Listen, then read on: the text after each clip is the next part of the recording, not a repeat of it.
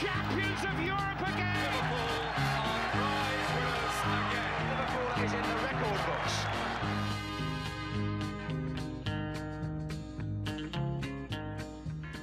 Hallå igen och eh, varmt välkomna tillbaka efter eh, lite välbehövligt uppehåll till eh, ännu en säsong, ett nytt avsnitt såklart, men alltså säsong nummer fem av LFC-podden och eh, vi eh, är såklart extremt eh, taggade, peppade på att eh, sätta igång och eh, lite sådär eh, ja, nästan eh, hjärnskrynklade av eh, faktumet att det faktiskt är en femte säsong vi rullar igång med detta. Det känns som att vi började i förrgår i stort sett.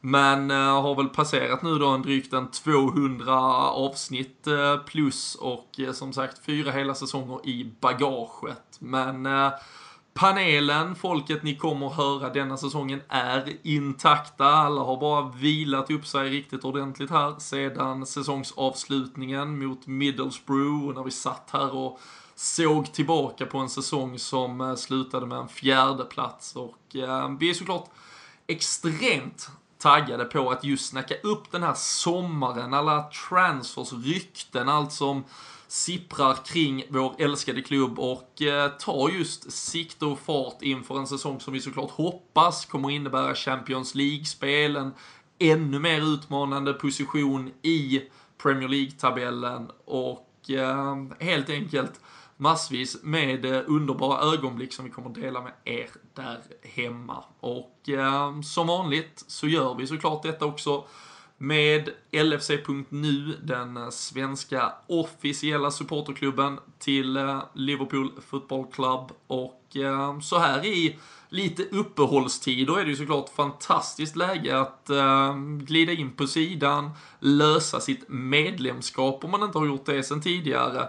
Man kan snickra ihop ett eh, härligt eh, paket själv, få matchtröjan till exempel eller något annat med det där paketet. Och eh, helt enkelt visa sin sympati och bli officiell medlem. Och vi alla här är såklart glada, stolta medlemmar. Och eh, Fredrik Eidefors eh, först ut ändå, du eh, är ju med mig och har varit med mig sedan vi startade detta för ja, fyra år sedan, går in på vår femte säsong. Det är... Ja, Ja, och vi, ja det känns vi konstigt. har stått ut. Bara en sån sak. Ja, det har vi gjort. Vi, eh, vi är ju stammen i det hela och de andra är de fina bladen som växer ut på det här trädet som eh, vi på något sätt har eh, planterat här för några år sedan. Så det, det känns fantastiskt. Men det är som du sa förut, det känns, känns inte som att jag har gått så många år. Det känns som att vi har hållit på väldigt... Allting har gått så snabbt men det är, det är ju bara ett tecken på att vi har kul och det får gärna fortsätta så framöver också. Och du har hunnit lite semester sen eh, vi eh, avslutade säsongen, vet jag. Ja, en endaste vecka visserligen, men den veckan tog jag vara på och åkte till Grekland. Så det, det satt alldeles utmärkt och det var ingen, inget direkt fotbollsland kände jag. Det var inte så mycket fotbollströjor tröjor, tröjor som, som hängde. Uh, nej, det var, ville tillbaka till fotbollsdelen. Det var ju lite, är fortfarande lite matcher nu som spelas så man kan ju inte hålla sig borta helt och hållet ifrån det trots att det är Liverpool-uppehåll. Då. Nej. Och eh, bladen som du eh, så eh, snyggt eh, talar om, eh, det är ju eh, denna vecka, den här första premiär på säsong 5. Kalle Sundqvist och Daniel Forsell. Borås, hur levererar? Är det någon sommar? Vad händer i denna fantastiska stad så här i Danne? Nej, jag har inte haft så mycket eh, sommar eller semester än så länge. Men eh, nu lite fotboll har man har fått följa här och jag tar ju semester lite senare här under sommaren. Så eh, det är väl att följa, följa vårt kära lags eh, sillrykten och så även om det inte har hänt Ja, det, det har i och för sig hänt en del än så länge, men man hoppas ju givetvis att det ska hända, hända ännu mer. Vi kommer ju komma tillbaks till det lite här också, men eh, det är väl eh, där jag är i min sommar så här långt. Mm. Kalle, drygt eh, ganska exakt ett år sedan som du, jag och eh, Jocke var nere och härjade på fotbolls-EM i Paris. Detta året är det U21-EM, Confederations Cup, är det, är det liksom plåster på såren så här i ett Premier League-uppehåll? Eller hur känns det? Nej, det, det, går, det går nog inte att jämföra faktiskt skulle jag vilja säga. Eh, det var ju jävligt kul när vi var där nere. Eh, och den här sommaren har, ja den har ju varit kul den också än så länge, men den har inte levererat någonting i, i fotbollsväg. Så att, eh, nej men det tycker jag inte att det är. Det är ryktena som uh, silly season, allt uh, som håller dig vid, vid, fotbollsliv helt enkelt. Ja, det... Ja, knappt. Man vet inte om man... man blir galen bara av att tänka på det känns det som. Men eh, vi eh, ska såklart bena ut eh, en eh, hel massa rykten. Eh, det finns ju verkligen eh, historier, en, en ganska rejäl soppa att försöka sleva i sig. Men annars så är det ju såklart den stora händelsen ändå så här långt som är ett riktigt avtryck inför framtiden. Fredrik Mohamed Salah Egyption från Roma har officiellt presenterats, hämtats in. En spelare som, om vi nu säger att vi har poddat i fyra år, var på väg till oss den där första vintern vi satt och poddade, men nu äntligen är klar. Hur eh, spontana reaktioner på den värvningen? Eh, det är ju ett statement får man väl ändå säga med tanke på att det här är ju ingen... Eh, jag vet att vi inte bara ska kolla statistik på spelare men det här är en spelare som trots allt ligger väldigt högt upp i topp 5-ligorna eh, i Europa sett till mål och assist och gör det för ett lag som dessutom inte alltså, vinner eh, stora titlar, inte det bästa laget och ändå levererar de stora siffrorna vilket är imponerande för att vara en ytteranfallare också. Och det är precis som vi behöver nu. Vi behöver, lite, vi behöver inte bara bredda truppen, vi behöver startspelare och det här är enligt mig en ordentlig startspelare som kommer ta direkt plats i vår startelva. Så det är perfekt att få in en sån. Och Eh, vänsterfotad eh, gillar jag eh, och eh, snabb dessutom. Frågan är om inte han, han, han och Mané får man nästan ställa bredvid varandra och se vem som är snabbare. Men det, det, vi verkar ju vara ett sånt lag nu att vi ska ja, ha mycket snabbhet och mycket finurlighet och det verkar ju han ju eh, ha en hel del i sin, eh, i sin ryggsäck så det kommer nog bli superbra detta tror jag. Du pratar om hans eh, just leverans i form av mål, assist. Eh, 19 mål förra säsongen, 13 assist. Eh, vann även två straffar. Det är ju en ganska intressant anmärkningsvärd eh, statistik. Bara Firmino i Liverpool förra säsongen som vann mer än en straff. Han vann tre stycken, men det brukar ofta leda till mål. Så just det här att han bidrar till mål eh, var 94 minut. Det är i stort sett ett mål han på något sätt ligger bakom varje ja, var 90 minut ligger han bakom ett mål helt enkelt, Danne. Det är ju... Uh, var spontant innan sommaren, det här är ju inte en spelare det heller har sipprats om under, under säsong så att säga, utan där har vi ju de här Keita, van Dijk, vi kommer komma in på dem. Hur var känslan när det kom upp först? Uh, Serie A är kanske inte Premier League-älskarens ständiga följe och sådär. Känslan och när man faktiskt har satt sig in i vad han nog kan bidra med. Ja, men jag tycker det är jäkligt eh, bra känsla. Man har väl, det är väl egentligen tack vare att vi själva var intresserade av honom för eh, några säsonger sedan här som man hade lite bättre koll än vad man kanske hade haft annars eh, tycker jag. Man visste ändå lite vilken typ av spelare det var. Och precis det som Eidefors var inne på, att vi faktiskt värvar för startelvan. Det är det jag tycker är kanske det viktigaste med hela, hela den affären att vi, vi breddar inte bara utan vi värvar för startelvan. Och det är ju en, eh, alltså en spelare som är otroligt rolig att titta på. Dels i det ni säger och han bidrar med poäng men den här manétypen som är snabb och utmanar på sin kant och så. Det är ju, eh, nej, jag tror han har, han har alla förutsättningar för att bli en riktig publikfavorit om det bara går hans väg om man säger så. Om laget eh, kan leverera så, så tror jag han passa in perfekt i ett klopplag. Så att, eh, riktigt bra värvning skulle jag säga. Mm.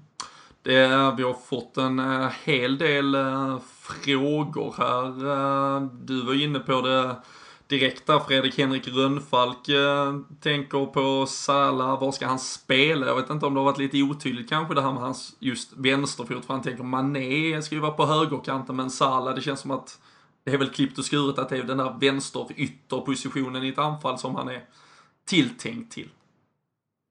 Ja, det är, det är ju som sagt eh, de spelarna där framme kommer ju röra sig runt omkring hela planen så vi får väl se riktigt vad, vad, vad det liksom blir bestämt att han kommer spela. Men det, det vi vet att det kommer bli eh, ett stort jäkla helvete för ytterbackarna den kommande säsongen för motståndarna i alla fall. Sett till eh, att de kan ju switcha eh, sida båda två. Det hade inte de spelat så stor roll för de, eh, de kan leverera inlägg. Från, eh, kanske inte lika bra med båda fötterna men framförallt från vilken kant de än viker in från. Så att det kommer nog bli lite förändringar under hela säsongen skulle jag gissa. Mm.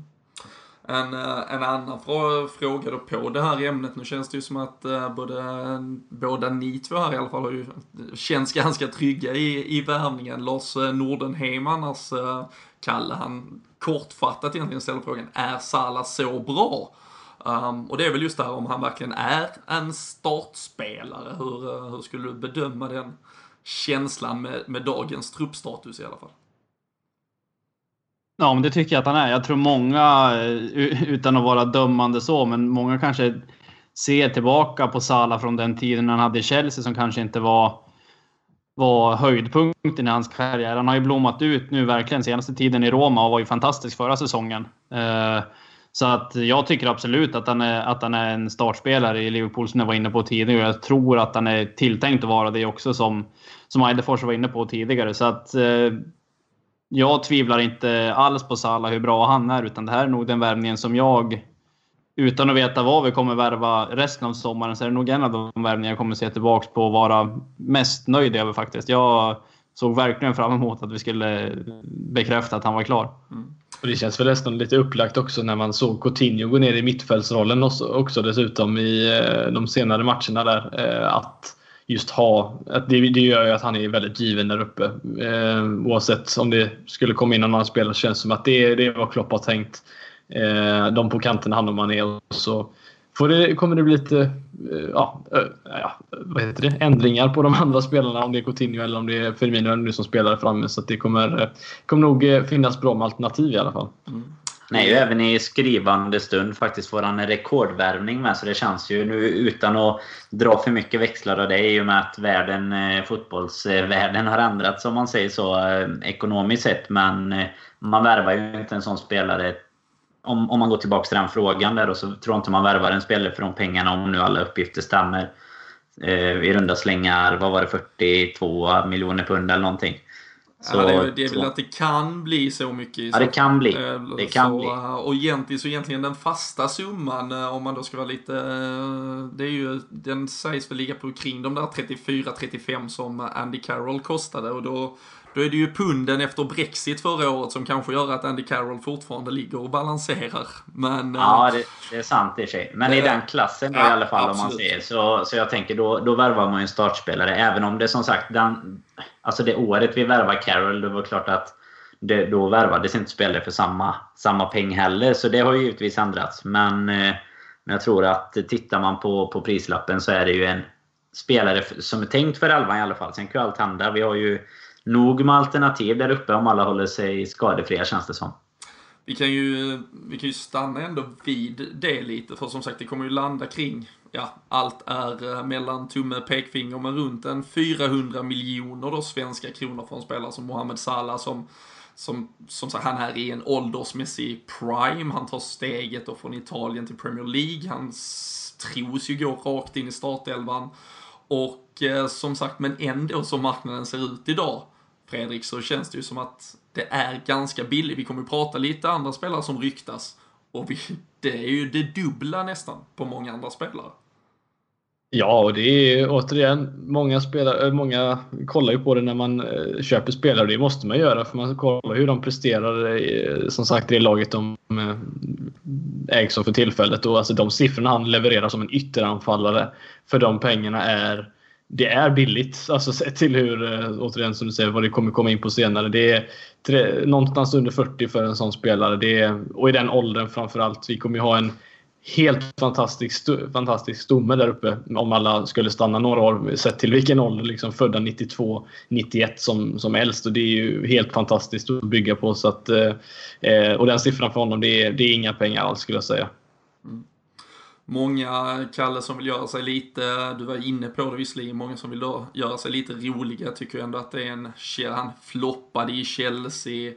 Uh, vad, vad, vad, finns det att säga till de som bara har sett honom i Premier League och kan ha vissa tvivel? Hur, uh, vad tycker du om hans senaste år och det han troligtvis kommer att kunna bevisa nu kontra vad han levererade i Premier League förra sessionen? Ja, alltså han var ju en av de spelarna som aldrig... En av många spelare som Chelsea har värvat som kanske inte har fått en, en ärlig chans att visa, visa vad de går för. Uh, senaste säsongen nu i, i Roma har han ju varit helt fantastisk med 19 mål om jag inte är helt ute och cyklar. Eh, och en hel hög assist i främst Dzeko, så att han har ju haft en, en kanonsäsong. Jag har en kompis också som följer Roma väldigt nära på det sättet som vi följer Liverpool och han tycker att Salah också är en kanonspelare. Trots att de nu var, mer eller mindre var tvungna att sälja honom för att rätta till böckerna lite grann nu under sommaren. Men eh, han är ju Ja, jag, jag, tycker inte att det finns några anledningar till att tvivla i dagsläget.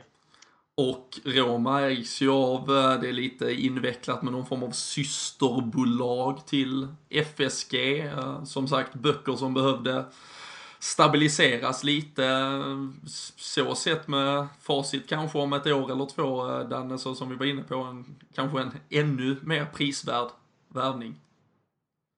Absolut. Det, det tror jag. Jag tror ni var rätt som ni var inne på innan också. Alltså, tittar man på statistiken som ändå är det man får gå på någonstans så, så känns det som att ja, för de pengarna så har man fått mycket spelare. Liksom. Och det, det går ju inte direkt åt andra hållet med, med andra klubbar och spelare heller. Så att, eh, det, det tror jag absolut. Sen har vi pratat om det mycket innan med. Att jag tror inte alltid att det är det som spelar roll. Och det är inte, inte våra pengar vi sitter och, och gamlar med så att säga. Men klart att man vill ju klubben så väl som möjligt. Och så mycket kvalitet i så lite pengar som möjligt är alltid bra. Mm. Och, eh, och det är som sagt som ni har varit inne på, han fick ju absolut ingen form av egentligen ärlig chans när han kom till Chelsea. Han valde ju Chelsea den där eh, vintern 2013-2014 när eh, Liverpool ganska desperat behövde någon form av förstärkning. Det var ju den där titelutmanande säsongen som var så nära att eh, ändå bära ända in i mål. Det, det är ju såklart att kanske dra det en växel för mycket och påstå att Mohamed Salah hade varit tungan på vågen då. Vi gjorde ju faktiskt en fantastisk vår trots allt. Jag vet inte om man hade kunnat kräma ut mer resultatmässigt, men då gick han ju till Chelsea. Det blev bara 13 matcher i Premier League där och sen försvann han ju på lån då till Roma, eller Fiorentina först, sen Roma en säsong utlånad innan han gick till Roma då på permanent basis ehm, förra säsongen. Så jag tror, har man Premier League-erfarenheten av Mohamed Salah så är det nog, eh, man ska ju försöka liksom ändå uh, sudda lite på den och uh, gå in med ett lite mer öppet sinne till vad han kommer kunna erbjuda denna säsongen. Uh, han, han har väldigt mycket att erbjuda och en extremt liksom stöpt eh, Jörgen Klopp-spelare känns det som.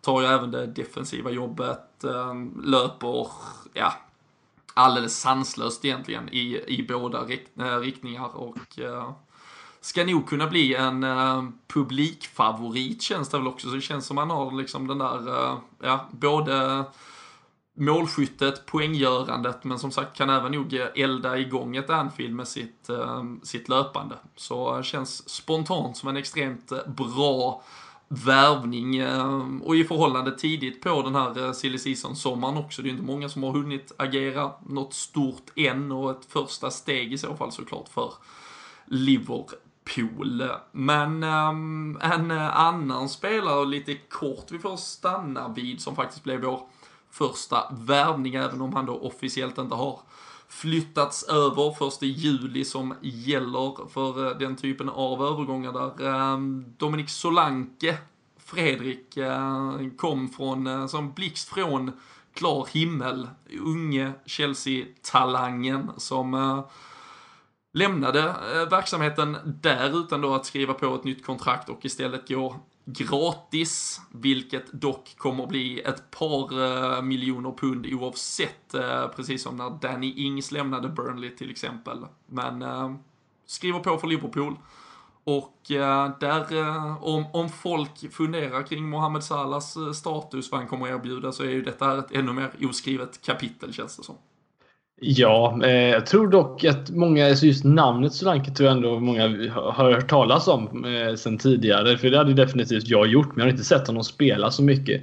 Eh, men precis som man har läst efter många andra journalister och så vidare så är det precis som Salah när han gick från Chelsea eh, ut till Italien. Det var att de behöver, någon behöver någon förändring och det är det som jag tror eh, kommer göra dem gott. Eh, och det är väl ungefär vad jag tror kommer hända med Solanke också. Att ta ett kliv till Liverpool, att det kommer bli en liten förändring. Och har han presterat bra här i U20-VM som jag såg någon match, inte mycket mer än så. så att, men verkar ju lovande framförallt sett till att vara match, eller, turneringens bästa spelare. Det, det är ju aldrig fel heller. Så att det Eh, kommer han få jobba i Liverpool-tröja och det tror jag kan eh, göra honom gott faktiskt. Urtypen verkligen av eh, talang, tidig talang, har representerat England på U16, U17, U18, U19, U20 och till och med ett par matcher på U21-nivå redan. Eh, som sagt, vann U20-VM i England här denna sommaren i samma veva som han egentligen blev klar för Liverpool och utsågs till turneringens bästa spelare även vunnit U17-EM 2014. Så ganska eh, prisbeklädd på internationell nivå. Men eh, Kalle, om man går och tänker att det här är på något sätt ja, en värvning som ska in i ja, inte en startelva tror jag ingen går och tänker, men är det en plats på bänken, är det en plats i truppen, eller ska han stå på tillväxt, ut på lån? Har ju redan varit en sväng i Vitesse från Chelsea som i stort sett alla andra som någonsin har tillhört Chelsea. Uh, vad tror du hans tankar, Liverpools tankar, är det något man kan spekulera i redan? Ja, alltså ursprungstanken tror jag inte att han är en spelare för A-laget utan att han ska gå, gå lite grann på tillväxt i, i, i reserverna. Och kanske att han har hypats upp lite grann nu eftersom att han var så bra i VM och varit utsedd till, till bästa spelare i turneringen som du var inne på. Så att jag tror att det har blivit en liten en liten hype kring honom som det kanske inte var tänkt från början. Eh, sen får han ju gärna leverera på den nivån han gjorde under, under mästerskapet. Det får han ju gärna göra i Liverpool. Men eh, jag tror inte tanken är att han ska in i A-laget direkt. Han har ju presterat bra också i Chelsea. De har väl vunnit eh, FA Youth Cup tre år i rad tror jag. Han har väl varit en av de bidragande orsakerna till det också. Så att han är ju onekligen en spelare som har varit med och vunnit mycket trots att han är ung. Mm sju mål eh, i Vitesse eh, på, på lån. Det har ju spelat seniorfotboll också. Eh, stor, stark spelare med, med, med de mått mätt som ändå finns. Mäter 1,85. Vi är ett annars ganska litet lag. Man har pratat om plan B-alternativ. Den skulle man kunna ändå tro att han kan, att det skulle finnas möjligheter för honom att vädras lite? Tror du, vad tror du inte han själv bör känna att han ändå vill, ja, ganska typiskt varför man lämnar Chelsea kanske. Det är väl ändå på jakten efter chansen någonstans. Det tror jag absolut. Jag tror det finns en, en tanke hos honom att vägen kanske ska vara lite kortare när han kommer till Liverpool. Men som det ser ut idag så har vi ju, vi har ju en extrem bredd på, på anfallsspelare egentligen eh, när alla är friska. Vilket de, de oftast inte har varit. Men eh, då, då ser jag väl, om han ska få chansen så, från bänken till exempel, då ser jag att då behöver även några lämna. För jag tror han ligger inte så jättenära de positionerna nu. Utan då tror jag snarare som, som Kalle var inne på också då, att han är kanske en spelare som kommer att, att matchas hårt i, i U23 till exempel. Och så gör han riktigt bra ifrån sig det så möjligen att han får, får någon chans. Men det är nog en, en bra bit kvar än så länge tror jag i alla fall. Mm. Vi, uh, vi har ju fått extremt mycket frågor också när det gäller det här, uh, när det gäller anfallssituationen, den besättning vi, vi nu har här. Uh, vi hade också en fråga ute på, på Twitter idag kring vilken position vi kanske ja, faktiskt kan börja vara nöjda med. Det är faktiskt just anfallspositionen är den som 51% tycker att där kanske vi inte behöver värva. Vi såg ju också nu när Mohamed Salah kom att Roberto Firmino byter tröjnummer, tröja nummer 9. vad det nu såklart ska ge för något form av signalvärde. En Daniel Sturridge eh, som såklart siktar på att vara tillbaka en säsong här. Divock Origi finns, Danny Ings har stått och ja, kämpat på i skymundan ännu en säsong. Hoppas ju såklart vara frisk till denna. Solanke finns där nu trots allt i bilden. Hur, eh, Fredrik, tror du att den här forwardsituationen håller på att ja, lösas upp? Vad tror du händer? Eh, behövs det förändras? Rykten om en Aubameyang och så vidare. Eh, alltså sättet vi spelar så skulle jag vilja säga att det vi är väl egentligen fortfarande tycker jag en ytter, ytteranfallare ifrån trots att Salah har, har kommit. För att jag ser inte Coutinho som eh, att han ska spela där och en skada på någon av dem då är det plötsligt att Coutinho eller Lalana ska upp till exempel. Jag tycker att de ska spela mittfält istället för där framme. Så att det är ändå där i så fall skulle säga att det är eh, liksom störst behov ifall det skulle behövas någonting.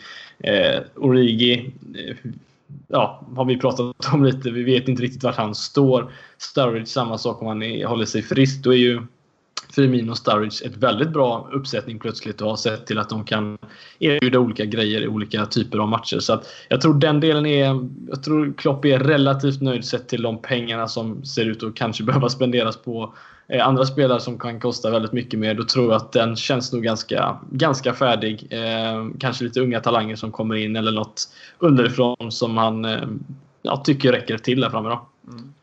Kalle, vad, vad, tror du där? Eh, jag är ju alltid sån här, man ska alltid överanalysera allting. Eh, det här att eh, Roberto Firmino får tröja nummer nio, tror du på något sätt att det kan det vara också en symbol att det stänger dörren, att han är nummer nio på riktigt, att han ska vara den spelaren kommande säsong.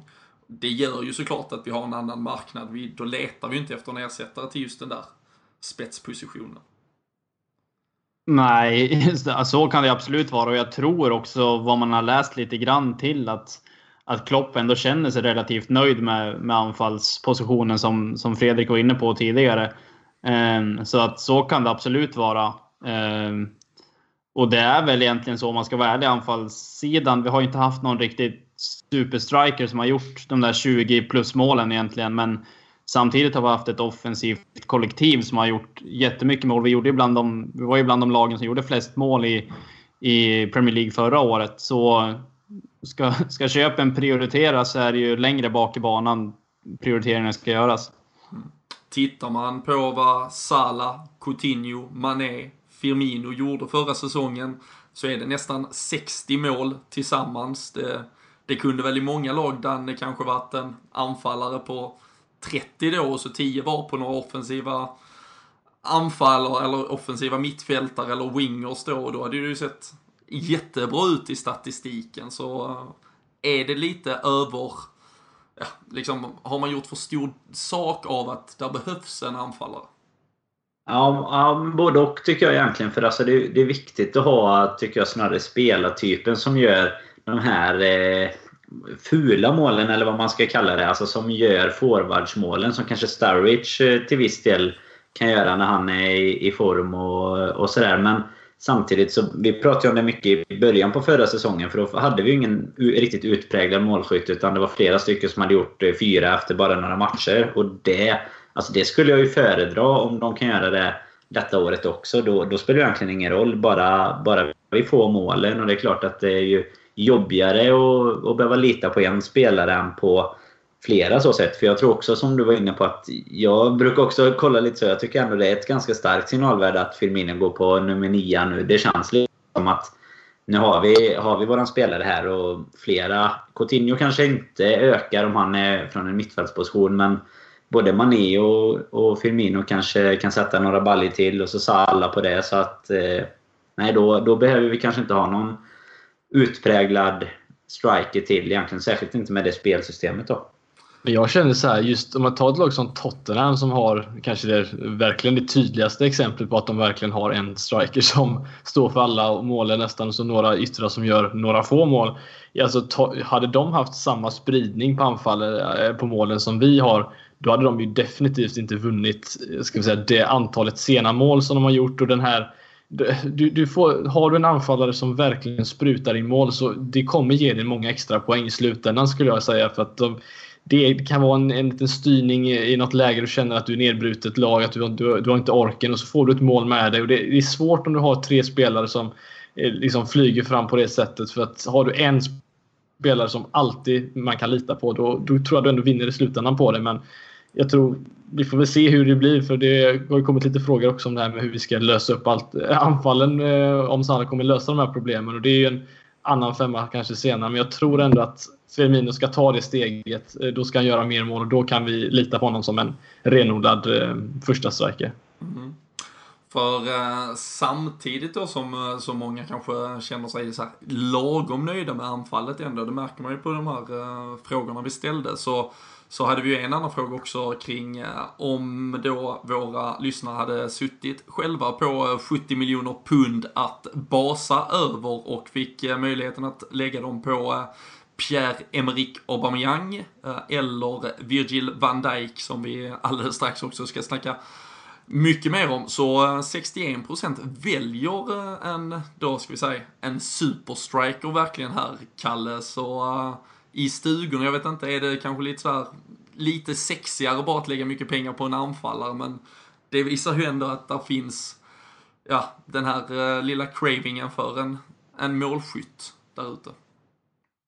Ja, så är det ju. Alltså det, det vattnas ju lite mer i munnen när man tänker på, på Aubameyang än van Dijk. Och jag tror även att den, den summan pengar ligger närmare den faktiska värderingen på Aubameyang om man ska säga så.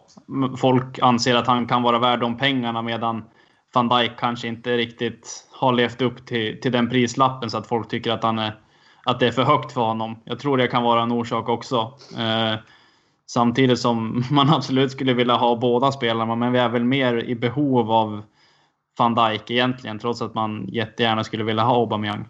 Mm. Vi, Kent Forsström eh, på Twitter följde upp den frågan om man då, om man då pratar 70 miljoner, 80 kanske miljoner pund för Aubameyang. Eh. Fredrik, vi har pratat Lacazette, eh, var ju initialt väldigt ryktenas man till Atletico Madrid om han skulle ersätta en Griezmann som nu ser ut att stanna på grund av Atleticos värvningsförbud. Men om Lacazette hade till och med gått att få lite billigare. Uh, Kent är inne visserligen på en Mbappé också. Uh, jag tycker att vi kanske bestämmer att hela sommaren pratar vi inte om Mbappé. för det kommer Nej, inte att, att hända. Men, men det är ju ungefär, det är ju Lacazette och Aubameyang som har ryktats. Det är summor som, ja, är minst en 60 kanske miljoner pund för Lacazette, 70-80 Aubameyang. Är, är någon av dem värda de pengarna? Är det rätt anfallare om det nu skulle bli att vi går hårt in.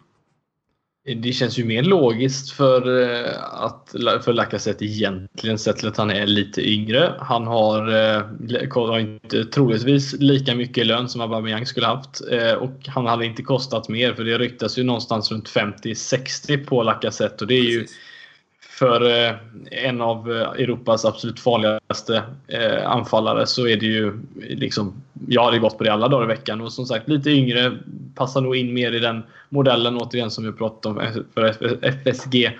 Så att, nej, Aubameyang har bara några år kvar till 30 så jag tror att det inte det kommer inte hända ändå. Men eh, Lacazette hade definitivt varit nummer ett för mig om man hade fått välja sett till att det är en spelare, det är den enda anfallaren tillsammans med någon italiensk, till exempel en Belotti eller något liknande, som inte har tagit det här steget eh, till de här stora eh, ligorna eller klubb, eh, klubbarna då ska vi säga, som eh, sen får dem att blomma ut. Mm. Ska vi ta en snabb eh, pulsmätning här då? Danne, eh, värvar Liverpool en anfallare denna sommaren utöver då Solanke som redan har kommit? Eh, nej, det tror jag inte. Inte någon, eh, I alla fall inte någon eh, så super... In, inte någon ny striker kommer vi inte stå med i, i, i mitten på augusti där. Nej. Kalle? Nej, jag tror inte heller det. Fredrik? Nej. Nej tri trist stämning vi sätter här direkt efter 33 eh, minuter i eh, premiären av säsong nummer 5 som ska vara såklart ett par veckors silly season här men, eh, men jag känner väl lite samma sak. Där är ju för mycket annat också. Vi kommer ju prata om det och det är ju faktiskt absurda summor som som nämns, även om vi såklart har spelare vi ska troligtvis eh, se lämna klubben, så är det ju spelare på väg in förhoppningsvis på andra positioner och där är det ju det är ju summor som gör att eh, ett nettspend eh, mot de här en och en halv, två miljarderna nästan som det har pratats om eh, på förhand att FSG skulle vara beredda att eh, punga ut. Eh, det, det, vi kommer ganska snabbt upp i summorna. Och eh, den eh, första såklart, och vi har ju nämnt namnet här, eh, Virgil van Dijk, eh, mittbacken som vi har suttit här och pratat om eh, lite till och från sedan i vintras. Ryktades ju redan då kunna vara ett alternativ. Eh, vi satt väl och skrek nästan efter honom i eh, stunder i januari när eh, allt och eh, egentligen ingenting verkade bara, det bara kollapsa försvarsmässigt. Vi fick inte spelet att stämma. Och nu intensifierades ju detta på allvar tidigt här Dan, att han var på något sätt, kändes det ju som faktiskt även från seriöst håll, det som skulle vara första brickan i det vi skulle bygga denna sommar. Absolut. Det kändes eh, i stort sett klart ju. Det var uttalanden om att han själv hade valt bort City och kanske mer pengar är det ju i, i regel eh, där också för att välja Liverpool istället då. Men eh, det är inte sista ordet sagt än. Nej, och jag antar ju att alla som lyssnar på detta trots allt har hängt med någorlunda i den här eh, soppan och eh, säkerligen är väl officiellt sett, eh, då sagt inte det sista ordet varken då ja, eh, egentligen ute hos allmänheten och exakt vad som har hänt. Men om man ändå ska liksom summera det händelseförlopp som har eh, funnits och eh, florerat i media så är det ju att Liverpool då inledningsvis har tagit en så att säga förbjuden kontakt med spelaren innan klubben då, Southampton i detta fallet, hade gett tillåtelse. Man måste ju som sagt först vara överens med säljande klubb att eh, det här är på väg att bli någonting. Men eh, Liverpool kände väl sig så hoppfulla att det skulle lösas så man tog ehm, en kontakt med van Dijk helt enkelt för tidigt. Och eh, det här påstår ju många att det görs hela tiden och det görs det ju nog. Liverpools problem eh, som det ser ut har varit sen då, det är ju att Liverpool har varit lite väl öppna med detta och eh, har väl själv kommunicerat ut sen egentligen via journalister och annat som håller sig nära klubben att van Dijk var så intresserad som det har då framkommit vid de här personliga mötena att han var beredd att tacka nej till City, var på, beredd att tacka nej till Chelsea, pengar, det var Liverpool, det var Jörgen Klopp, det var det här bygget han ville vara en del av. Och att Liverpool kanske i lite taktiskt syfte ville få ut den här infon för att övriga klubbar inte ens skulle lägga ett bud eftersom de ville göra det tydligt att han var bestämd, det var Liverpool och då skulle man ju vara enda budgivare och slippa ett budkrig, Fredrik. Uh, det är ju den korta kanske och sanningsenliga får vi, får vi ju se om vi någonsin får reda på. Men uh, Ja. hur, uh, ja, det är ett par veckor sedan nu, men hur upplevde du hela situationen som då slutade i att Liverpool alltså officiellt fick ut och be om ursäkt, dra undan sitt intresse tills vidare? Ehm, det är första gången jag på något sätt ändå skämts för klubben på något sätt. Eh, om vi håller oss utanför eh, planen så att säga i form av prestationer i matcher och så vidare. Det är, jag har aldrig sett det förut. Det är, ett, det, det är pinsamt att en så stor klubb, eller det är pinsamt för vilken klubb som helst ska jag säga, men att Liverpool som man älskar så mycket ska gå och göra en sån sak när vi suttit under tidigare säsonger och pratat om hur vi tycker att Liverpool är jobbiga utåt. Att det är så mycket skitsnack och det är så mycket jobbiga intervjuer och det är mycket dubbelmoral och så vidare. Och så kommer en sån här grej och så är det liksom varför, varför oss när vi är så snälla på något sätt. Men det är, ja, jag vet inte riktigt vad man ska säga. Jag, det var ju Daniel som la upp det i vår grupp där när, en liten screenshot när det hade hänt och jag bara blev så mållös. Jag kände att det, jag, jag var på bra humör den dagen. Jag kände som att man hade läst att det skulle hända någonting och så kommer en sån grej och så tappas allt hopp om egentligen om, att, om klubben överhuvudtaget. Så att det, det sjönk lite för mig men eh, det känns som att det, det har blivit lite bättre med att de har köpt Salah på något sätt. Och att hela transfersommaren är ingen stor eh, flopp än så länge i alla fall. Mm. Vi, vi ska komma tillbaka till spelaren van Dijk strax, men du är inne på det här med klubben, vad det, ja, signalvärde, vad det, vad det sätter för ändå någon bild av, av klubben som helhet. Eh, Kalle, det var inte många månader sedan som vi fick ett värvningsförbud på akademisidan efter att ha, ja, faktiskt felaktigt också då tagit kontakt till en uh, ung Stoke-talang uh, som slutade i en uh, ja, total soppa där också. Hur... Uh, vad ska man liksom... Är det, är det, vad, vad, bör man ställa sig för frågor till klubben? Och är det liksom, ska man upp på barrikaderna och ändå vara, vara lite högljudd kring att det är dåligt skött? Eller ska vi, ja, är det, ska man bara svälja det och gå vidare?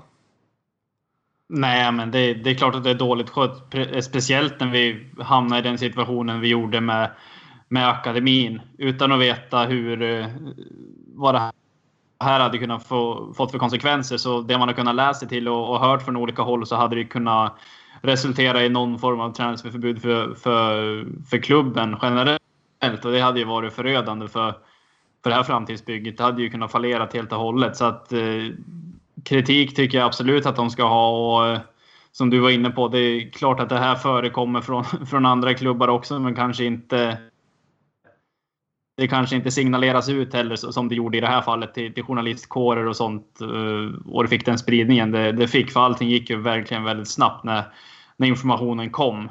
Ehm, så att eh, det är klart att det är under all kritik att det, att det förekommer. Och sen som ni var inne på, i en så pass stor klubb ändå som Liverpool Eh, det, det förvånar mig. Mm.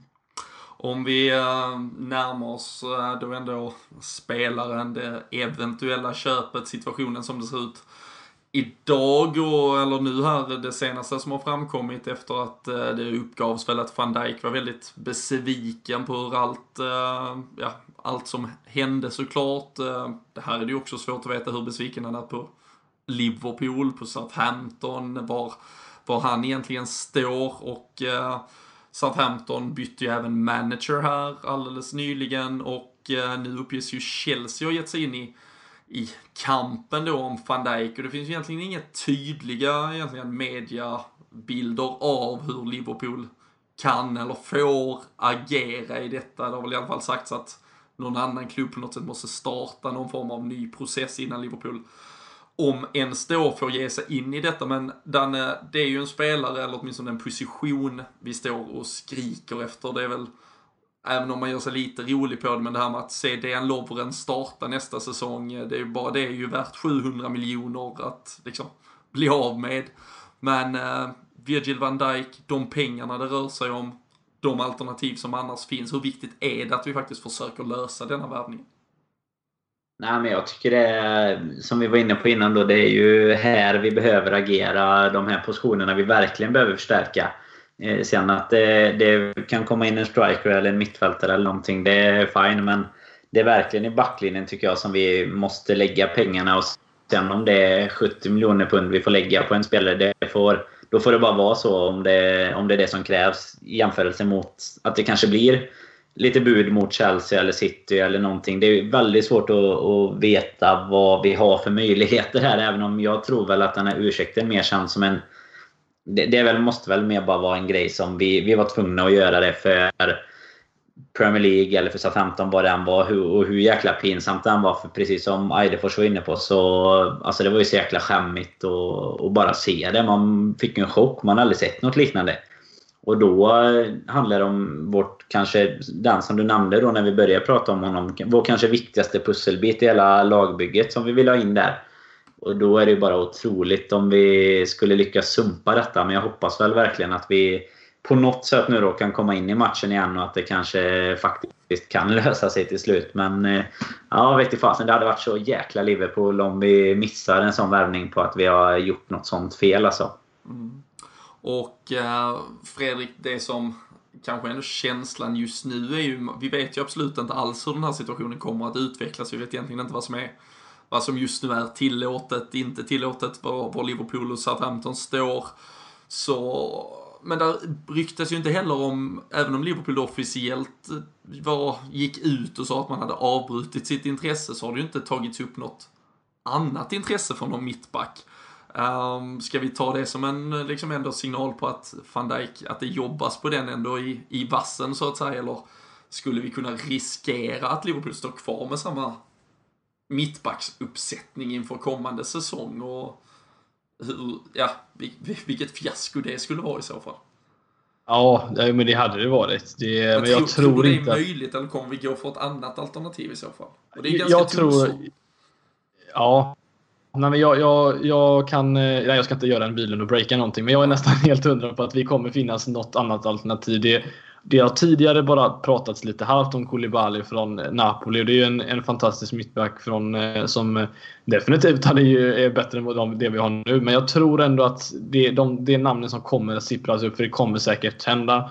Är, är möjligtvis just för skriverier för att van Dijk någonstans är i bakgrunden. Det det är trots allt en, han är trots allt en flytt ifrån att vara Premier Leagues egentligen bästa Eh, mittback efter, i mitt tycker du Alderweireld. Så det, och det, det är pengar du måste betala för att få. Och jag, eh, det känns som att hela den här sommaren kommer bli jobbig att prata om höga summor. För att det, det är bara verkligheten nu vi kommer prata. Alltså 50-70 miljoner för en spelare som ja, egentligen kanske kostar 30 då. Så att det, det kommer bara bli så. Så att för mig är det bara att det kommer hända. Vi kommer inte stå med Matip och Lovren nästa säsong. Det är jag nästan helt säker på.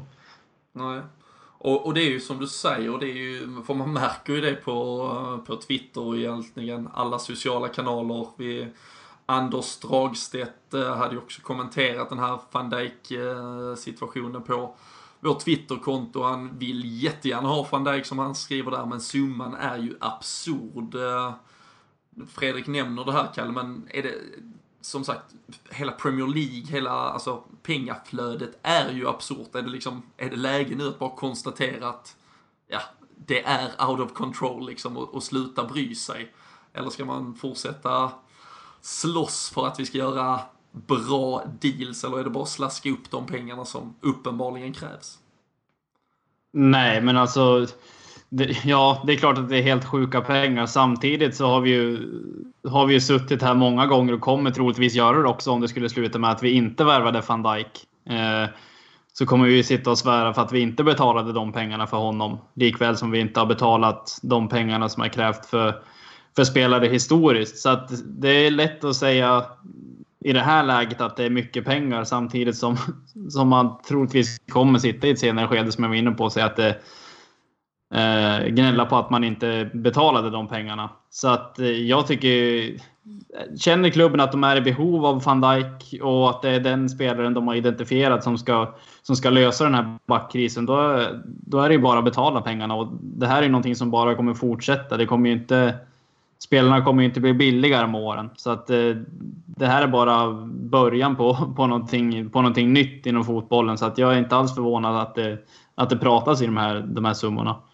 Fan, John Stones gick ju för 50 miljoner pund. Det liksom, det, det, vi pratar sådana sjuka summor. City har ju lagt så mycket pengar på mittbackar som ingen har liksom blivit bra. Det är bara Company som egentligen har blivit det. Och han kostar ju minst av alla dem.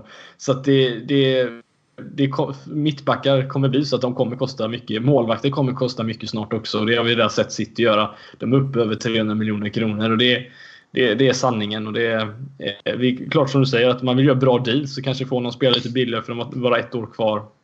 Men ska du ta de tunga namnen så då kommer det kosta. Och Liverpool har inte gjort det lättare heller med att vara väldigt offentliga med sina grejer. Så att andra lag kommer väl säkert försöka hålla ut för så mycket som möjligt. Det är väl det Southampton faktiskt försöker göra nu. Att de vill få så mycket som möjligt. Trots att han i slutändan kanske skulle gå för 60 eller 65 istället för 70. Så det är ju bara en, en tidsfråga och det får vi se vad som skulle hända där då.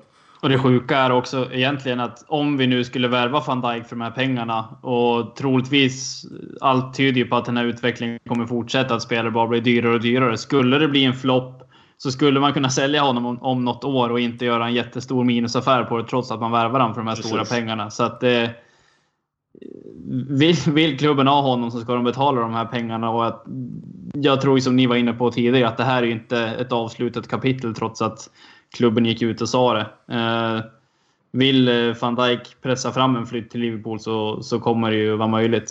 Mm. Och det jag tycker är extremt viktigt här, alltså det är ju också att, för tittar man på det, nu ska jag reservera mig för exakt hur mycket år det var, eller om det var sedan Premier League kanske grundades, så det är ju såklart med en extrem acceleration på, på sluttampen här, men, men Liverpool är ju alltså tillsammans med faktiskt City och Chelsea det lag som har spenderat mest pengar totalt sett på värvningar.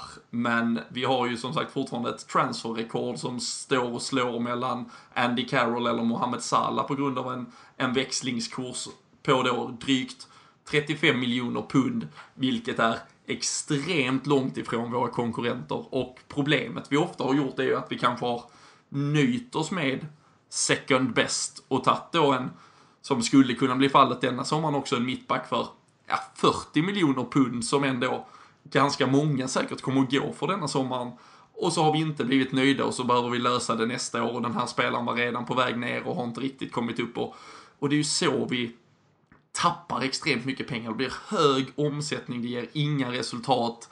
Vi vattnar ur både plånbok och, och liksom förtroende för de som tar besluten. Så det är ju dags, alltså har vi chansen, jag tycker, jag tycker det är liksom nästan lite tramsigt att som supporter försöka ja, alltså försöka förhandla bort eller för, liksom förtränga att vi ska betala de här summorna som att det skulle vara något svaghetstecken och att vi hellre ska hitta något annat. För uh, är det det här som krävs och självklart så blir fallet större om en van Dijk skulle floppa fullständigt. Men det finns samtidigt en högsta eller en lägsta nivå som är så pass hög när man betalar de här summorna skulle jag vilja påstå som gör som du Fredrik säger att, att vi kommer inte tappa enorma pengar och högst troligt så har vi köpt oss garantin att vi får någon som faktiskt kommer att leverera, vilket man inte får för halva det här priset. Och istället kanske man då får se det som att vi får en Sala som, är, som går in ordinarie i en anfallslinje och vi får en van Dijk som är fullständigt ordinarie i en försvarslinje för totalt då 50 plus 50 om man hade slått ut pengarna istället. Så det handlar väl om att kombinera att handla smart såklart med att med att våga lägga pengarna där det verkligen behövs. För uh, i försvaret så behövs ju detta Danne och uh, oavsett vad exakt som händer så måste ju något hända och uh, du får ändå vara första. Vi tar den här pulsmätningen igen. Tror du att det blir Virgil van Dijk som kommer till Liverpool i sommar? Eh, jag är hoppfull eh, om att det blir, blir så beroende på... Men det är så jäkla svårt att säga i hela den här sagan. Men, men, men eh, ett snabbt svar så säger jag ja. Jag, ja att det är lagligt. Pulsmätaren är ja. Ja, och, och, att det är lagligt då så att säga. Det är lagligt. Kalle? Ja, fy fan. Um, ja, jag, jag, tror att det finns en möjlighet att det blir så. Fredrik? Ja, jag tror definitivt på det. Jag, jag tror också det blir det. Uh, i, med, med för, förklaring att annars vore det jättemärkligt att inget annat ryktades ganska intensivt just nu. För med tanke på hur, hur dåligt vårt försvar var stundtals så, så känns det ju som något, det är ju inte den här värvningen vi vill göra den 31 augusti liksom, utan det här är ju en värvning vi vill ha ett par träningsmatcher med en Joel Matip, om det är det som är tanken. Och, uh, ah, där ska ju gärna hända något. Så frågan exakt vad Det är ju en lagkapten dessutom på Van Dijk. Det måste vi får inte glömma. Det är ju en potentiell lagkapten detta. Det är ju James Milner. Alltid. Nej, det, nej Milner han är, han, är, han är slut. Jag säger det. Han blir breakare. Han är slut. Um, jag breakade det för två år sedan. Men... alltså, så som det är med prislappen på en sån spelare så är det också bara en nedsida om det verkligen blir, som du var inne på Bylund innan, en, en flopp. Eller att det går rätt tufft för honom. Jag menar om han skulle skötas. Alltså ponera att han kommer. Han kostar 70 miljoner pund. Det, folk tycker att det är sjukt dyrt. Det är han värd. Bla, bla, bla. Men går det bra så kommer ingen bry sig efter en månad. Liksom. Då kommer ingen bry sig om han eller Matip kostade någonting eller gick på free transfer. Utan det är ju ingen som kommer säga efter ett halvår om han har spelat bra att ja, men det, det var han tvungen att göra för han kostade si och så. Utan då kommer man bara vara jävligt nöjd och ha glömt prislappen. Så det är det jag tycker, precis som du är där, att man, man liksom sitter själv och tycker att ja, ska han kosta 50 eller 70? Ja, det, det är skitsamma. Bara vi får in en spelare som kommer göra laget bättre så, så får vi helt enkelt pröjsa de pengarna. För det är ju alla andra topplag som spelar mycket alltså om titlar istället för om en fjärde plats eller en Europa League-final. Liksom. Ja, och spelar du i Champions League kontra att du inte gör det så har du ju de pengarna, de, är- de är redan vunna och eh, som sagt, alltså vi, det, vi, vi måste ju börja, vi måste ju börja omsätta på de här nivåerna, tror, tror jag, för att eh, hänga med i den eh, utvecklingen som, som är. Och, och det, det har ju pratat, den här sommaren har väl varit den sommaren där det verkligen har satt liksom en, ett avstamp i var prisnivå kommer, kommer ligga den närmsta tiden och en, en halv miljard är ju det är ju average-spelaren i stort sett med, med respekt, men alltså det är ju en Emil Forsberg från ett Leipzig pratas ju om de summorna. Alltså det, i stort sett liksom alla som har gjort en bra säsong eh, i stort sett vad som helst uppges ju gå för de här pengarna. Så eh, självklart. men kolla. På Lindelöf till exempel. Alltså det är ju ett bra år. Vi absolut bra och, och säkert en jättespännande spelare framåt. Men extremt mycket pengar för en spelare som inte har gjort mycket mer än, än att vara bra i ett, ett och ett halvt år i, i portugisiska ligan. Liksom. Som var petad högerback i U21-EM för två år sedan. Ja, Så- men det är lite så. Då, det visar Absolut. ändå vart prisnivån ligger. Liksom. Och eh, vi, eh, vi lär ju sannoliken få, eh, få anledning att återkomma till just eh, van Dijk och, eh, och väldigt mycket annat. Och vi, vi har ju blivit överösta med frågor och diskussionsämnen. Vi har varit inne på en James Milner. och Där finns eh, mycket, mycket annat att eh, diskutera. Såklart också inventera vår, vår egen trupp. Vi har ett kontrakt kring Emre Can som är värt att prata mer om. Men eh, vi, vi kommer ju vara tvungna att spara lite under den här sommarperioden. Så, så är det något ni känner att vi inte tar idag så är vi medvetna om att det finns massvis med eh, mycket annat som vi såklart ska beta av. Men eh, två punkter jag tänkte att vi skulle stanna vid idag innan vi packar ihop eh, det här eh, premiäravsnittet på vår femte säsong är eh, först och främst eh, faktiskt, eh, Kalle, vår eh, nya VD eller CEO eh, Peter Moore som har eh, klivit in, kommer från eh, EA, varit med och jobbat där innan han nu kliver in i ledningen för Liverpool och i lite sådär om vi pratar van Dijk-historien där sportchef Michael Edwards fick väldigt mycket kritik så har Peter Moore kommit in som en frisk fläkt, eh, tagit sig an sociala medier direkt och eh, har, eh, la bland annat upp en bild eller en video på lite stridsplan som eh, attackerade och skrev att det var Liverpools nya forwardslinje som tränade, lite annat, full full eh, liksom eh, fart på honom där. Hur kort tänkte jag att vi snuddar vid hur, hur känslan är att få in den typen av ledarskap i, i Liverpool. Vad, är det pest eller pina eller är det fantastiskt? Nej, jag tycker att det, jag tycker det är fantastiskt. Han är ju väldigt rolig med allting han lägger ut. Eh, sen eh, eh, någonting som många kanske inte tänker på. Han är, jag tror faktiskt att han är från Liverpool, att han är Liverpool-fan sen barnsben. Men att han, han flyttade ju till USA. Ehm, det är jättelänge sedan nu, så att han är ju liksom Liverpool-supporter sen, sen han var liten. Ehm, han nämnde det i den första intervjun han gjorde, så att han är ju en av oss, som man säger. Han är ju en Liverpool-supporter ända in i blodet. Och han, eh, han var ju oerhört stolt över att få det här jobbet. Eh, sen han, han gick in på, på Anfield med sin farsa när han var, när han var liten och, och tittade på Liverpool. Så att eh, det är likväl som Ian är också var, var Liverpool-grabb. Liksom. Så att det är kul att det är folk från som vet vad Liverpool är för någonting och vad det betyder och vad klubben betyder för så många som kommer in i ledande positioner och som är kvalificerade för att göra det. Eh, så det tycker jag är jävligt roligt. Och eh, som du säger, Liverpool född eh, är han. Eh, EA har han då jobbat för. Han har jobbat för Microsoft. Många eh, tycker kanske att ja, han saknar det här fotbollskunnandet. Men uh, han verkar ju kompensera det som sagt med, med kärlek. Uh, Ian Air fick ju ofta kritik och var- det kändes kanske lite svårare för fansen än uh, den approach som då Peter Moore har tagit här. Uh, Dan, är det något du tror är lite, lite planerat eh, också för att eh, slippa bli den här monitoring-bilden som Ian ofta stämplades med? Ja, men det tror jag ändå. Alltså det, det blir ju lite så spel för galleriet. Även om han säkert kan vara...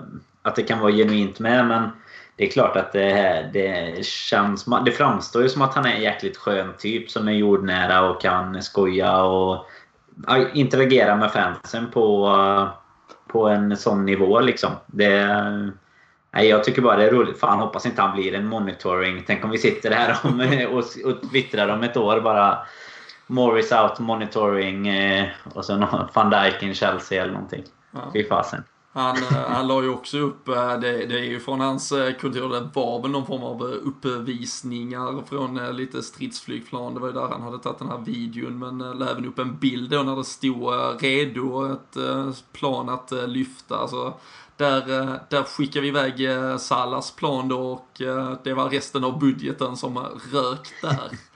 Fredrik, vad tycker vi? Är det, är det, är det okej okay än så länge eller tror du det kan bli tufft för honom om det skulle bli en så att säga, tuff sommar? Är det, jag sätter han mycket på spel i att våga vara så öppen?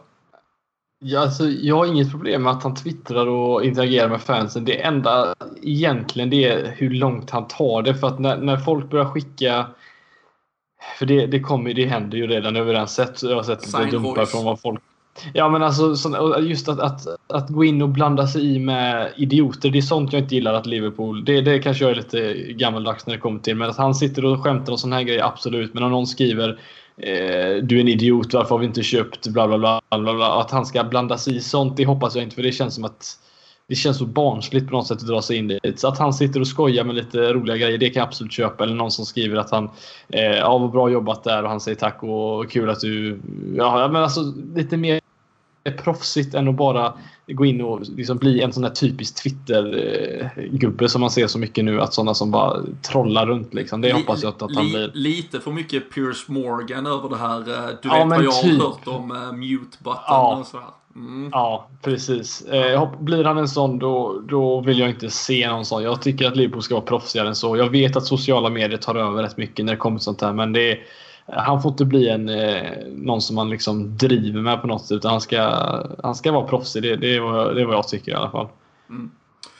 Håller, eh, håller helt med. Det är ju kul eh, när eh, det, det, är absolut skön självdistans till att kunna liksom slänga upp lite eget material. Men som du säger, interagera så ska det nog vara lite mer genomtänkt och inte försöka skaffa sig billiga liksom så här, komikpoäng på, på supportrars bekostnad. Det kommer ju vara lägen med frustration och allt möjligt och då känns det som att du ändå som CEO får kanske ställa dig lite åt sidan till det så det inte blir efter en förlust att det blir att man ska Folk kommer ju skriva både det ena och det andra säkerligen. Uh, idioter finns där gott om. Men uh, att han uh, håller sig undan de, de gångerna i alla fall. Men uh, tills dess så får han gärna fortsätta ändå bjuda på sig själv i alla fall. Och um, slutligen egentligen det som uh, jag känner att vi får uh, försöka eh, fånga upp här när vi nu har, vi har ändå passerat uh, timmen. Märks att man har mycket att prata av sig, mycket att diskutera men Nabi Keita har väl faktiskt i då, ja, kölvattnet av en van Dijk-affär, Mohamed Salah blev färdig, varit ryktenas mannen spelar också Fredrik som vi pratade om under säsongen. Det är ju ändå, jag vet inte om det är positivt eller negativt att ha varit spelare som ändå har, utöver Salah då, men van Dijk, Keita, det har snackats länge om dem.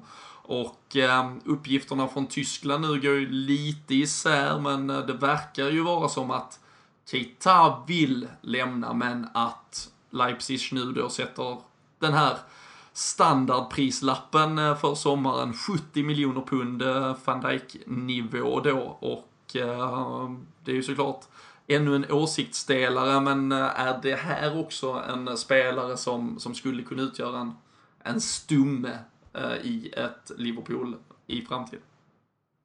Ja, det är en eh, väldigt unik typ av spelare som eh, faktiskt, jag kollar rätt mycket Bundesliga eh, och det är en spelare som eh, liksom I början av säsongen man börjar läsa lite om att ja, men den här spelaren borde man hålla koll på och kollat runt lite och han har ju verkligen haft en fantastisk säsong och är en sån där fantastiskt snabb, kvick liten eh, tekniker, ändå boll. Han, han är allt i ett kan man nästan säga. Eh, och eh, kommer eh, definitivt eh, ta ett steg, vare sig det är nu eller nästa gång när han, flyttar till att bli en ännu bättre spelare. Det enda jag känner egentligen är att visst nu är Liverpool, jag hade jättegärna tagit honom, men det är att nästa säsong är väl egentligen gången då han ska lämna.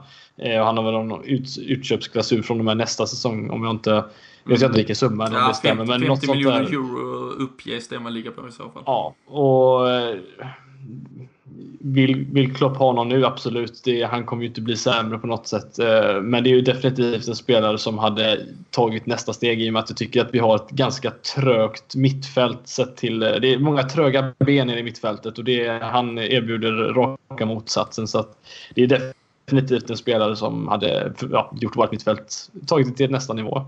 Spelar ju eh, Kalle i tröja nummer åtta på mittfältet. Är det, är det dags att eh, låta någon kliva in i den tröjan och positionen?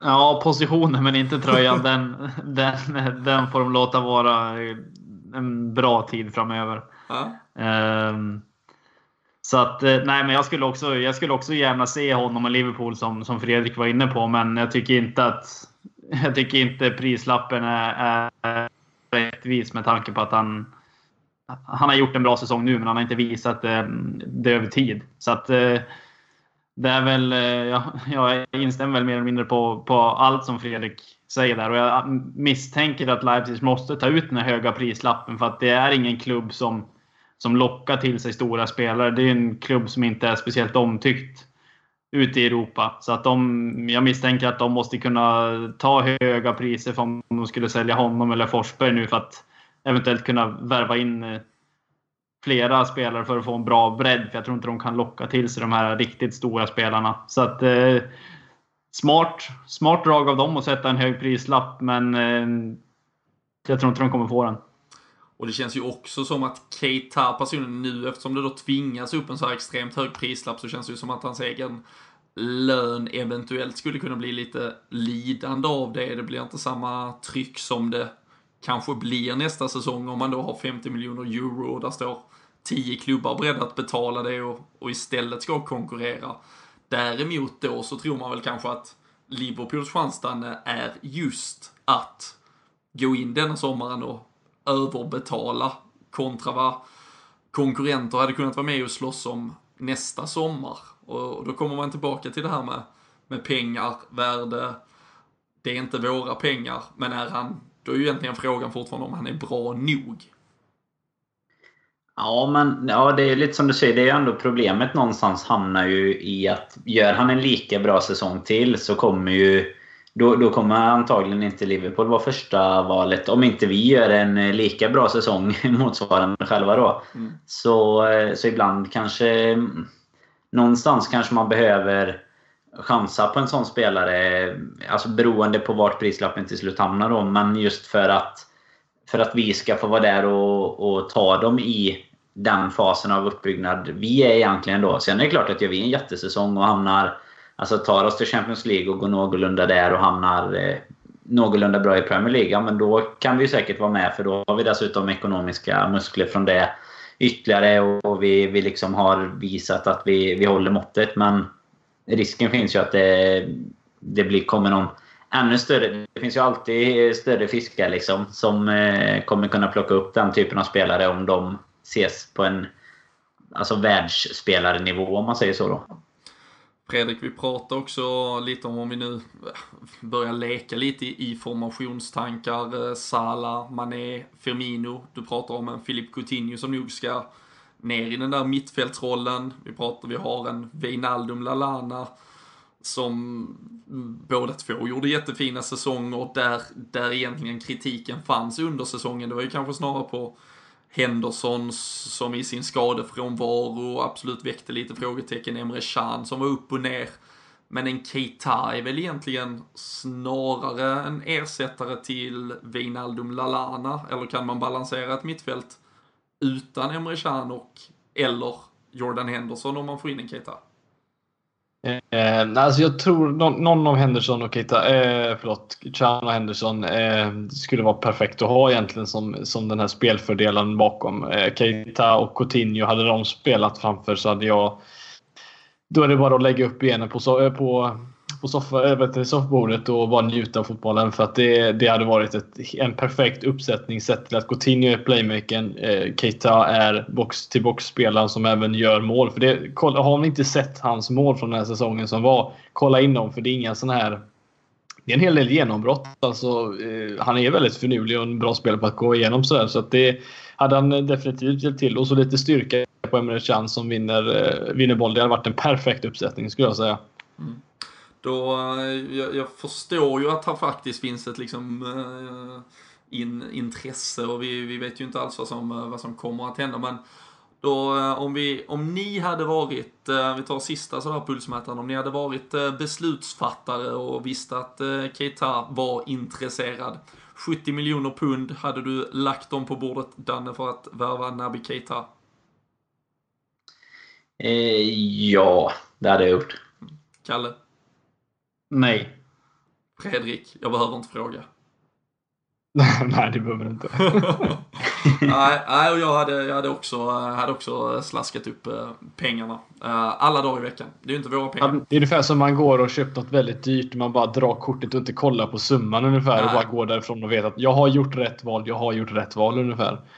Och sen när eh, man kommer med den där dyra saken och alla hyllar den så glömmer man ju bort hur mycket pengar ja. ja nej. Helt... Är du säker på att du inte vill hoppa på nu Kalle? Du hoppa på det här tåget nu. Nej, någon måste bryta sig ut också. någon måste stå, ni, stå på barrikaderna.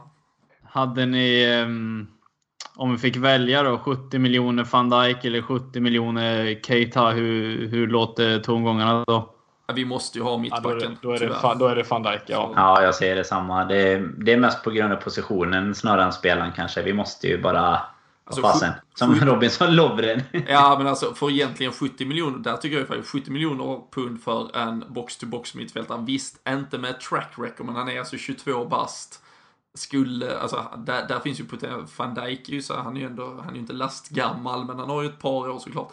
Och eh, kommer ju kunna spela många, men, men ja, Keita är en större gamble, men det skulle absolut kunna ha en ännu större uppsida tror jag, eh, för framtiden och speciellt med den prisutvecklingen som finns. Men van Dijk och en mittback i, i stort är ju det vi desperat behöver. Vi säger ju trots allt att Keita ska ersätta Lalana eller Wijnaldum.